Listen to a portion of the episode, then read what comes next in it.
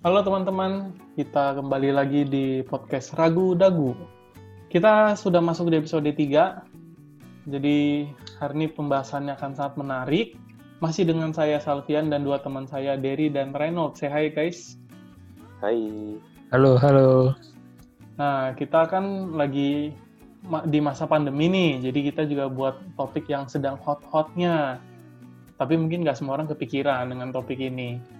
Jadi kita akan bahas tentang kasus yang sedang terjadi di negara kita, yaitu tentang PHK, tentang di, dirumahkannya para karyawan atau pemotongan upah dan lainnya. Nah, tadi benar banget tuh kata Salvian tuh Sal. Satu berita dari CNBC Indonesia itu katanya Kementerian Ketenagakerjaan Indonesia itu sampai sekarang udah 3 juta lebih karyawan yang dirumahkan sama perusahaannya, di PHK sama perusahaannya. Nah ini kayaknya menarik banget buat kita bahas. Kira-kira itu boleh nggak sih dari segi hukum kalau misalnya kayak pandemi kayak gini, perusahaan yang tentunya income-nya itu terbatas bahkan ada yang sampai nol dan mereka akhirnya merumahkan karyawannya. Gimana nih kepada Bapak pakar hukum? Gila Bapak ya. selama aku belajar hukum sih di Indonesia itu namanya pekerja itu udah ibarat dewa ya kita ini kita nih kita kita para, para dewa ini kita ini nggak boleh nggak boleh di PHK perusahaan kayak gini. Maksudnya uh, di aturan kita sendiri itu untuk perusahaan bisa PHK uh, eh, pekerjanya atau istilah di undang-undang itu buruh itu hanya untuk kasus-kasus tertentu aja. Misalnya pekerjaannya itu ada ada yang melakukan tindak pidana atau ya pokoknya sih gak, gak banyak lah. Apalagi uh, untuk kasus kayak ada pandemi ini gak, gak termasuk salah satu alasan yang memperbolehkan untuk melakukan PHK makanya menurutku uh, seharusnya tidak terjadi sih. Maksudnya kalau kalau benar-benar dijalankan secara aturan sih tidak terjadi ada ada PHK sebanyak ini gitu. Tapi nol bukannya perusahaan itu nggak punya jalan lain ya? Maksudnya kan masa pandemi ini bikin banyak perusahaan nggak punya income, bisa benar-benar nggak punya income sama sekali, tapi operasional biaya maintenance itu semua tetap jalan. Ya menurut gue satu-satunya cara PHK sebenarnya nggak apa-apa gitu loh. Ya nggak sih? Nah, nah, cuman kan kalau kita bicara soal perusahaan nggak punya income, ini loh, perusahaan itu kan satu badan ya. Maksudnya perusahaan itu bukan manusia gitu. Sedangkan yang bekerja itu adalah manusia. Nah, kalau perusahaan nggak punya income, gimana nasib pekerja yang di PHK gitu? Emangnya mereka mereka nggak butuh income? Mereka malah kalau mereka nggak makan nggak makan sehari mati anjir. Kalau misalnya perusahaan kan nggak nggak cari makan gitu ibaratnya. Tapi kan jadinya maksud gua perusahaan ini nggak punya uang, mau bayar upah pakai apa? Ya kalau kalau begitu sih menurutku harusnya tuh di di ibaratnya tuh kayak dinegosiasi ya maksudnya PHK PHK kayak gitu kan nggak manusiawi gak sih kalau kalau kita ini kalau misalnya kita sendiri nih kita kita di PHK pasti kita merasa kayak ya, gim, ya gimana gimana kita mau hidup aja kalau misalnya perusahaan perusahaannya aja nggak peduli sama kita gitu tuh ujungnya kita di PHK tanpa apalagi apalagi ini kasus-kasusnya kalau seandainya nggak pakai nggak pakai nggak pakai pesangon kan uh, lebih lebih lebih mematikan lagi gitu. Nggak nggak tahu nih yang yang tadi si dari baca dari 3 juta sekian itu ada pesangon semua apa enggak gitu sebenarnya sih dari beritanya sih nggak disampaikan sih cuman gue cukup yakin kalau banyak dari antara 3 juta itu tanpa pesangon nah makanya tadi kira-kira gue mau tahu nih pendapat dari lo apakah hukum Indonesia itu memperbolehkan hal tersebut nih kan sebenarnya kan kayak bencana nasional banget kan bencana internasional malah bisa dibilang. Apakah Benar. sama sekali nggak ada pengecualian gitu untuk kayak perusahaan? Ya udah lalu boleh lah. Karena maksudnya kan pemerintah kan juga lagi kesusahan tuh kayak mereka mesti ngasih bantuan dan lain-lain. Masa iya mereka harus memaksa perusahaan untuk tetap mem, apa ya membunuh dirinya sendiri dengan cara harus membayarkan ke karyawannya itu. Nah, ada pengecualian nggak tuh kira-kira not? kalau bicara soal pengecualian sebenarnya dari sekian banyak peraturan yang kubaca soal ketenagakerjaan ini ada untuk pemutusan maksudnya pengakhiran hubungan kerja di keadaan tertentu. Tapi itu pun harus disetujui dulu. Maksudnya kayak waktu kita mulai kita kita kita anggap kita kita waktu kerja sama pengusaha sama sama satu perusahaan kita dari awal udah bilang eh hey bro ini kalau seandainya nanti ada bencana lah atau apa kita kita bisa selesai hubungan kerjanya. Nah itu boleh. Tapi menurut aku sih aku sih sampai sekarang nggak pernah ada lihat perjanjian kerja yang benar-benar mengatur soal eh nanti kalau seandainya kita ada bencana kita uh, berakhir ya. Nggak ada gitu karena uh, dari segi pungut dari segi perusahaan pasti nggak mau nggak mau dong kasih pikiran ke pekerjaannya. Kayak ini ini ini pekerjaanmu tuh gak pasti gitu. Maksudnya pekerjaanmu bisa di diakhiri setiap saat gitu. Nah kayaknya, makanya menurutku uh -uh. kayaknya karyawan juga kalau bikin perjanjian kerja juga nggak baca sih ya. Nah iya benar. Juga kayaknya nggak baca sih peraturan banyak banget masa iya tapi kok kayak kayak misalnya nih not kayak kita bikin perjanjian kerja itu kan udah lengkap banget gitu udah berlembar-lembar masa iya sih nggak hmm. ada poin itu gue sih nggak memperhatikan dengan baik ya tapi masa iya sih nggak diatur soal kayak ginian kira-kira gimana tuh Not? Kalau kalau saya lihat ya menurutku sih maupun udah diatur di aturan aturan yang berlaku satu negara ini itu nggak boleh gitu loh kita tuh uh, ibaratnya pekerja itu dewa gitu loh kalau udah pekerja kan ya nggak boleh dipecat gitu kalau di Indonesia soalnya emang emang kasusnya kan pasti pendekatannya karena banyak, banyak sekali yang yang yang terlalu semena-mena uh, mau pecat karyawan segala, macam tuh dipecat aja jadinya banyak banyak banyak yang kesulitan secara finansial. Nah cuman jadinya aturan tersebut bikin buruh itu setingkat dewa gitu. Gak boleh dipecat, gak bisa dipecat segala macam. Kalau dipecat tuh ada pesangonnya dua kali lipat kalau bisa alasan-alasan uh, dari dari perusahaan uh, pesangonnya dihitung setiap tahun berapa berapa kali lipat segala, macam gitu. Itu semua ada diatur di hukum norm. Ada itu semua itu semua tuh uh, di aturan kita itu benar-benar segala sesuatu benar-benar nempel nempel ke nempel ke buruh gitu benar-benar benar-benar kayak ya kayak, kayak tadi aku bilang lah benar-benar kayak dewa buruh di Indonesia hmm. tuh kayak hmm. dewa nggak bisa diapa-apain No, tapi gue mau klarifikasi dulu nih ya. Buruh itu maksudnya kita sebagai karyawan juga termasuk buruh kan? Nanti takutnya ada yang iya. mispersepsi ya. nih.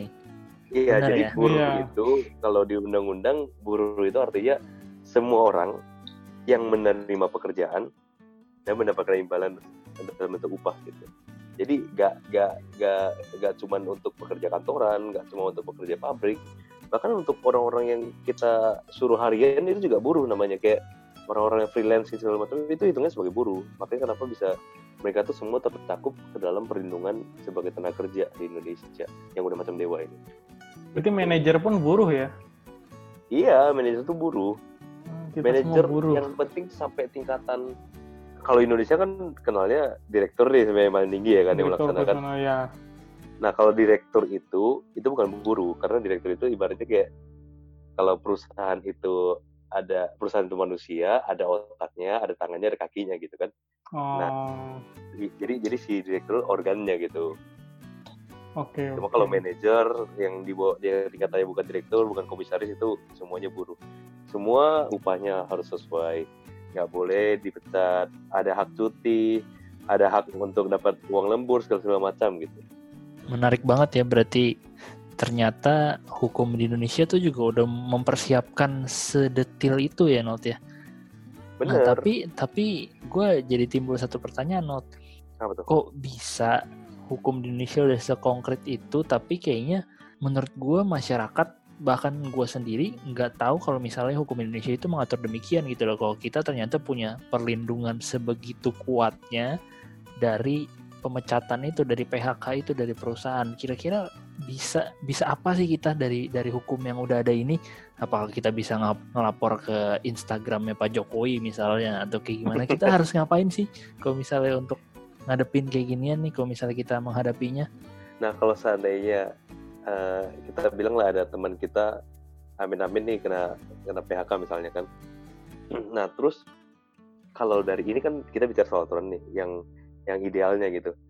Kalau dari aturan harusnya kita bisa bisa mengajukan ke yang namanya pengadilan hubungan industrial. Itu itu pengadilan yang khusus uh, menangani perkara-perkara hubungan industrial hubungan industrial itu adalah hubungan kerja gitu. Nah tapi sebelum sebelum masuk ke situ ada tuh tahap-tahapannya yang nama bipartite terus tripartite itu ya semacam semacam mediasi lah. Ibaratnya kalau bipartite itu antara pekerja sama perusahaan harus ngobrol dulu ini kenapa sih? Masalahnya apa sih? Ayolah kita coba negosiasi dulu. Kalau nggak selesai naik lagi tripartite nanti ada orang dinas ketenaga kerjaannya gitu ngobrolin hmm. lagi ini kenapa sih masalahnya? Ya intinya sih uh, sangat sangat diutamakan jangan sampai terjadi PHK gitu di Indonesia. Jadi sebenarnya kalau emang kita di PHK kalau kita mau perjuangkan tuh bisa karena itu hak kita gitu kita nggak boleh di PHK kita bawa ke jalur hukum gitu Nah permasalahannya ada ada uh, ada yang mau nggak, ada yang tahu nggak soal ini gitu. Tapi ini gue lurusin ya, kita tidak boleh di PHK dalam keadaan pandemi ya. Mm -hmm. Takutnya nanti ada yang nangkep, nggak kerja tapi di PHK nggak terima gitu loh. Nah kalau nggak kerja di PHK, kalau di aturan sih kan kita janji kita akan kerja. Pengusaha hmm. janji akan memberikan upah. Ya kalau kita nggak selesai janjinya, kita bisa dikasih surat peringatan. Nah itu itu pun ini, ini pun sebenarnya jadi masa uh, bukan bukan masa maksudnya ini pun jadi satu pemikiran loh. Nah. kalau seandainya kita agak kerja itu pengusaha tuh kasih surat peringatan surat peringatan surat peringatan baru bisa PHK padahal kita aja niatnya udah gak kerja gitu. Mm-hmm. nah bayangin bayangin sede, sedewa apa kita sebagai pekerja sebenarnya di Indonesia? Berarti stepnya panjang dong kita nggak bisa langsung dipecat gitu aja iya itu tuh bener-bener gak, gak ada tuh cerita kayak eh si ini gak kerja besok dipecat. Ya nggak ada ceritanya. Orang dewa kok dipecat gitu kan? Berarti intinya emang sebagai karyawan di Indonesia tuh kita cukup beruntung ya? Iya. Nah cuman menarik nih not selain PHK kan kita juga sekarang sering denger nih kayak di masa pandemi ini bukan PHK uh, ada istilah baru namanya mungkin sering kita sering dengar sekarang namanya layoff layoff karyawan kayak pemberhentian sementara. Kalau misalnya itu boleh nggak tuh? Kayak lo dirumahkan karena kegiatan operasional perusahaan lo berhenti dan tapi lo dirumahkan lo lo tanpa gaji misalnya atau mungkin gajinya cuma 10% 20% atau berapa persen sekian persen gitu. Kalau kayak gitu boleh nggak tuh untuk karyawan? Nah, kalau kayak gitu tuh udah jelas-jelas ya kalau kalau misalnya kita bicara bahasa kasar ya mm-hmm. Beker, uh, kita masih memiliki ikatan kerja tapi kita gak digaji itu kan sama kayak budak sebenarnya. Budak korporat nah, itu, ya? Uh, uh, itu itu yang yang yang secara aturan tuh Indonesia nggak mau sampai terjadi kayak gitu. Bahkan dari di tahun 1998 tahun 2004 itu dua kali kejadian krisis ekonomi di Indonesia itu ada tuh surat edaran dari Menteri Ketenagakerjaan yang intinya nggak boleh ada pengurangan gaji, nggak boleh ada uh, apa namanya istilahnya dirumahkan, nggak boleh ada PHK. Itu semua nggak boleh dari pengusaha kecuali udah disepakati. Jadi kayak diajak ngobrol, eh ayolah kita lagi nggak punya uang nih perusahaan, boleh nggak kita gaji setengah aja atau nanti deh dicicil tahun depan gitu misalnya. Nah itu kalau udah sepakat ya boleh-boleh aja. Cuman kalau dari aturan ya nggak boleh pada dasarnya. Kalau kalau seandainya nggak pernah diomongin apalagi yang cuman cuman di chat WA eh besok nggak usah masuk kerja lagi ya itu nggak boleh banget sebenarnya. Semuanya itu uh, melanggar aturan istilahnya itu. Berarti tadi tapi yang digaris bawahin tuh ada kesepakatan ya not ya? Benar. Cuman pada kenyataannya itu, cuman pada kenyataannya kayaknya kita susah gitu kok kayak kita jadi karyawan lu harus bernegosiasi dengan perusahaan lu tapi sedangkan karyawan lain tuh terima-terima nasib aja gitu loh. Kayak lu menjadi so iye lah bahasanya kan so iye banget lu mau ngelawan perusahaan lu kan. Gitu tuh kira-kira ada tips nggak tuh dari lu mungkin? Kalau misalnya lu nih di posisi demikian lu akan melakukan hal apa coba? Nah sebelum sebelum sebelum bicara soal itu uh, ini ini sebenarnya tadi kan dari tadi kan aku bilang istilah kita itu dewa. Tapi sebetulnya kita dewa secara tertulis doang gitu memang benar pada faktanya siapa sih yang yang yang bakal kayak eh uh, lu gak boleh nih pecat gua gitu. Siapa sih yang yang berani kayak gitu kan? Pada faktanya ya sebenarnya kita cuman cuman dewa dewaan doang kalau kalau kalau di di aturan gitu. Kalau seandainya hmm. bicara soal tips menurutku sih kita kalau seandainya nanti ya tips sih ya kita bekerja dengan sebaik-baiknya ya. Karena kalau kita bekerja dengan baik kan kita mau di PHK di sini yang rugi dia bukan kita sebetulnya. Ya nggak sih? Kalau menurutku sih gitu ya karena ujung-ujungnya kita cuma dewa dewa secara tertulis. Pada praktiknya siapa sih yang mau urus ke pengadilan? Siapa sih yang punya waktu untuk nunggu pengadilan yang putusannya bisa berapa berapa lama? Belum dengan tingkatan-tingkatan proses yang sangat panjang itu. Yang ujung-ujungnya kita kita udah kelaparan duluan dong sebelum sebelum itu kita anggap nanti putusan pengadilannya ya udah nih dianggapnya uh, biasa biasa putusannya gini ya misalnya kita di PHK tahun ini diputusnya tahun depan berarti selama setahun ini kita masih bekerja di sana. Semua upah dari sana harus dibayar full pesangon segala, segala macam harus dibayar full gitu. Tapi kan kita lapar duluan gitu. Ya siapa sih yang mau yang mendingan mendingan langsung ya udah kita cari kerja lagi deh daripada kita tunggu putusan pengadilan. Tapi sebenarnya bisa gitu dibawa ke pengadilan? Bisa bisa banget malah. Karena kita tuh secara aturan sangat kuat secara aturan tuh bekerja di Indonesia sangat kuat. Cuma secara prakteknya. Mm-hmm. kayak gini PHK satu berapa juta orang tuh tadi? Tiga juta ya? Eh, tiga juta orang di PHK belum tentu ada pesangon semua. Itu makanya hmm. peran peran pemerintah sebenarnya di di kasus ini penting sebetulnya. Kenapa? Kenapa bisa maksudnya pada saat pemerintah itu kan tadi datanya dari Kementerian Tenaga Kerja ya? Maksudnya mereka bisa punya data itu semua.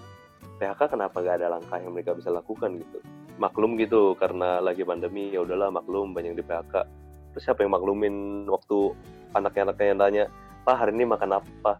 Nggak ada nak. Nggak ada uang. Siapa yang maklum itu? Tapi emang berarti harus niat ya yang niat aja yang bawa ke pengadilan gitu ya? Iya itu Gak cuma yang niat sih, yang niat dan yang masih bisa hidup tanpa itu gitu. Nih pertama kita bawa ke pengadilan, pasti isunya udah beredar dong di mana-mana. Eh si si si misalnya si Derry nih dia kemarin di PHK di sana, dia bawa ke pengadilan jangan jangan mau tau masukin dia ke tempat kita bahaya ntar apa apa ribet gitu. Ya kan siapa sih yang mau kayak gitu? Ujungnya juga pasti ya udahlah, ya udahlah kita kita cari aja tempat kerja yang lain gitu. Berarti pada intinya walaupun kita didewakan tapi ternyata realisasinya itu susah berarti ya Not ya iya makanya menurutku dari awal waktu kita masuk kerja tuh jangan kayak dari ini jangan nggak dibaca perjanjiannya. Malah sebenarnya kalau dari pengusaha betul, pengusaha betul, yang benar tuh eh, dari pengusaha yang benar itu sebelum sebelum kita tanda tangan tuh biasa dikirim dulu satu hari sebelumnya gitu. Dikasih baca apa sih yang harus kita ikutin sini? Apa sih yang kita perjanjikan? Karena kalau seandainya gak diatur gak maksudnya gak gak dibicara pahit ibaratnya kayak pahit-pahitnya itu gak dibicarain di awal nanti terjadi di belakangan gitu hmm oke okay, oke. Okay. nah berarti kan tadi kita udah ngomongin tuh PHK berarti sebenarnya di mata hukum nggak boleh. Layoff mm -hmm. juga di mata hukum nggak boleh kecuali ada kesepakatan tadi ya. Kalau misalnya satu lagi not kalau misalnya kita terlepas nih udah di, di layoff atau enggak maksudnya di dirumahkan atau enggak atau tetap di kantor atau tetap full kerja tapi upahnya dipotong not atau gajinya tuh dipotong. Kalau itu boleh nggak tuh nah itu lebih parah lagi kita kerja kerja masih normal-normal aja terus gaji dipotong ya sama kayak ya prinsipnya sama kayak tadi sebenarnya kita tuh nggak boleh diapa-apain kita kita uh, pengusaha tuh udah berjanji akan bayar kita setiap bulan misalnya 5 juta, 6 juta atau 4 juta gitu kan. Terus tiba-tiba berhenti. Kan gak, gak, gak, gak masuk akal gitu kan. Tapi tapi no, ini ini be, jadi beda lagi ya. Kalau misalnya dia dirumahkan tapi dia nggak usah kerja. Nah, tapi dia masih diupah, cuman upahnya dipotong. Kayak gitu boleh nggak? Kan dia nggak kerja. Nggak boleh tapi. juga. Nggak boleh juga. Bahkan uh, kayak kayak yang tadi gak kerja sama sekali itu kan banyak banyak tuh pengusaha yang pakai istilah no work no pay gitu kan. Ah. Cuman cuman kan gini loh istilah uh, istilahnya tuh kita udah berjanji udah uh, bukan bukan pengusaha bukan bukan pekerjanya nggak mau kerja tapi kan emang gak ada kerjaan iya kan maksudnya pengusahanya pun yang nggak mau kasih kerjaan gitu atau atau dengan alasan apa pun emang nggak ada pekerjaan di sana ya bukan salah bukan salah pekerja juga dong Kenapa kenapa kenapa kenapa seolah-olah beban finansialnya itu dibebankan ke pekerja? Kenapa kenapa nggak dibebankan ke pengusaha? Ya itu kan itu itu itu kan tentunya nggak fair juga. Tapi dari awal kan kita udah janji kita akan bayar upah setiap bulan segala segala macam. Dan dan pekerja juga udah janji kok mereka bakal bekerja. Tapi yang sekarang yang ingkar ya maksudnya pekerja juga nggak ya nggak ingkar janji. Kenapa bisa si pengusahanya ingkar janji gitu loh? Dengan alasan apa pun itu ya. Walaupun memang menyakitkan uh, kondisi saat ini gitu. Berarti jadi pengusaha di masa kayak gini berat banget ya no? Iya, itulah itulah pentingnya ada orang profesi hukum di perusahaan itu yang ngerti harusnya ngapain dari awal. Dari awal tuh disepakati misalnya kayak yang tadi ku bilang kan. Nih kalau seandainya nanti kita ada terjadi apa-apa atau misalnya ini simpelnya gini deh. Kalau uh, kalau perusahaan kondisi keuangannya tidak tidak menunjukkan profit selama berapa tahun gitu misalnya. Mm-hmm. terus nanti ada ketentuannya misalnya kalau kalau misalnya kalau menunjukkan profit selama tiga tahun maka pengakhiran pengakhiran hubungan kerja itu bisa dilakukan. Itu kan itu kan disepakati dulu dari awal. Dan dan dari dari pekerjanya juga juga bakal lebih siap kan kayak oh kita ini nggak nggak di posisi aman gitu. Kita kita hmm. kita kita kita mesti mesti lebih benar. Jadi kalau seandainya tiba-tiba nanti terjadi yang tidak diinginkan oleh semua pihak setidaknya bukan kita yang dipilih gitu. Kan kalau semua udah dibicarain dari awal tuh enak sebenarnya. Betul betul gue sepakat banget tuh tadi Renault tapi gue mau tambahin juga selain pakar-pakar hukum kayak lo yang dibutuhkan di Indonesia tapi kita juga butuh jiwa-jiwa entrepreneur not entrepreneur di Indonesia juga harus ditumbuhkan. Soalnya kampus gue menanamkan nilai itu not jadi menanamkan nilai tuh, entrepreneur. kampus gue juga. Sama emang kampus kita kan sama bapak. Apa tapi, tuh kalau boleh tahu ya nilai-nilainya tapi itu emang emang menurut gue sih emang sejalan banget sih karena ada gue pernah baca satu data gitu kayak di Indonesia itu jumlah entrepreneur itu cuma 1 sampai dua persenan dari jumlah penduduk. Kalau kita bandingin sama negara-negara lain kayak di Singapura, Malaysia tuh udah udah kita udah lumayan kalah jauh sih. Jadi makanya kita anak-anak muda ini yang udah dibekali pengetahuan ini juga sebisa mungkin jadi entrepreneur lah ya. Mungkin Pak Renot, Pak Renot nggak mau. Pak Salvian mungkin mau jadi entrepreneur. Mau, mau. Eh, Siapa sih nggak mau? kita harus jadi entrepreneur yang baik nih, karena kita udah dibekali pengetahuan yang bagus nih dari pakar hukumnya nih. Benar sekali. Ah, tapi, no, itu, ini supaya enak ya, supaya orang dengar itu enak dapat kesimpulannya. Intinya nih, ini kan sekarang udah terjadi kondisi kayak gini yang terlanjur nih kita bilangnya ya. Nextnya, kalau sampai ada kejadian kayak gini, apa sih yang harus kita lakuin, no? Sebagai pekerja nih sebagai dewa nih. Oke, kasih dua lah sebagai dewa dan sebagai pengusahanya boleh. Nih menurutku ya sekarang nih, sekarang mulai detik ini banget kalau hmm. sebagai pekerja pertama kita harus lebih lebih teliti untuk perjanjian kerjanya. Kalau hmm. kalau seandainya se sesimpel apa pun itu perjanjian cuma satu lembar pun, soal ini kita atur deh minimal kayak ya udah Pak, uh, nanti kalau seandainya terjadi kondisi kayak corona kemarin gimana gimana ya kita ketentuannya. Itu deh yang diatur dulu. Maksudnya oh, itu okay. itu dijadiin fokus utama. Karena kalau kalau itu gak diatur ujungnya kayak gini loh. Maksudnya kita emang dilarang untuk di PHK kita dilarang untuk dipecat. Tapi terus kalau kita dipecat kita mau ngapain? Mau ke pengadilan? Ya keburu mati lah. Hmm, itu loh kegocek dong ya. Kegocek jadinya kan. Kayak kita tuh uh, apa namanya ibaratnya kebal kebal tapi enggak gitu sebenarnya. Nah hmm. kalau ada diatur kan dari dari dari segi pekerjaan kan juga eh, eh, dari segi pengusaha kan juga pasti pikir oh kita kan udah janji waktu itu gak enak dong. Eh, kalau kita langsung pecat. Setidaknya kan bisa bisa bisa lebih eh, ada tindakan preventifnya gitu. Terus selain itu ya kita kita sebagai pekerja ya kita harus bekerja dengan semaksimal mungkin kayak yang tadi aku bilang harus harus harus apa namanya jadi jadi kalau kalau dan terjadi apa-apa bukan kita yang dipilih kan itu itu hmm, tujuan hmm. kita untuk hidup gitu nah kalau dari pemberi okay, kerja okay. dari pemberi kerja ya segeralah cari konsultan hukum yang baik yang memahami soal aturan-aturan pekerjaan nanti kontak supaya... Bapak Renault di bawah ya kontak Bapak Renault di bawah ya enggak enggak enggak maksudnya maksudnya setidaknya adalah orang legal di perusahaan atau atau cuma satu undang-undang loh yang perlu dibaca loh.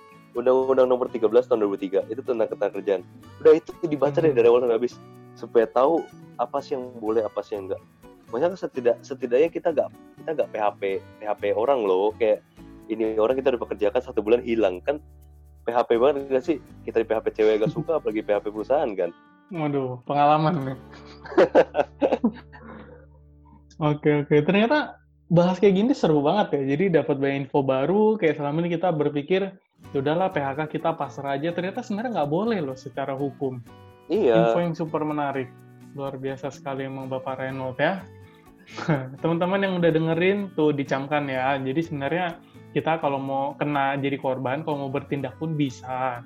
Cuma kan takutnya nanti digocek nih ke pengadilan keburu lapar duluan. Tapi kayaknya kita lama-lama bosen juga ya cuma ngomong bertiga doang kayak lebih seru lagi kalau kita ajak orang lain nih untuk di Ide episode bagus. episode selanjutnya nih. Boleh, kita, boleh, boleh. Kita mulai cari cerita-cerita menarik dari teman-teman lain ya, Sal ya. No. Ide bagus, ide bagus. Gue setuju banget. Jadi teman-teman pantengin terus. Pokoknya di set terus ini podcast Ragu Dagu nanti dengerin terus siap-siap episode 4 akan lebih menarik lagi karena kita akan punya bintang tamu. Jadi persepsinya nggak hanya dari kita bertiga mungkin dan bosen, tapi next akan ada orang lain yang memberi pandangan. Dan bisa aja itu kamu. Jadi sampai jumpa di podcast berikutnya. See ya.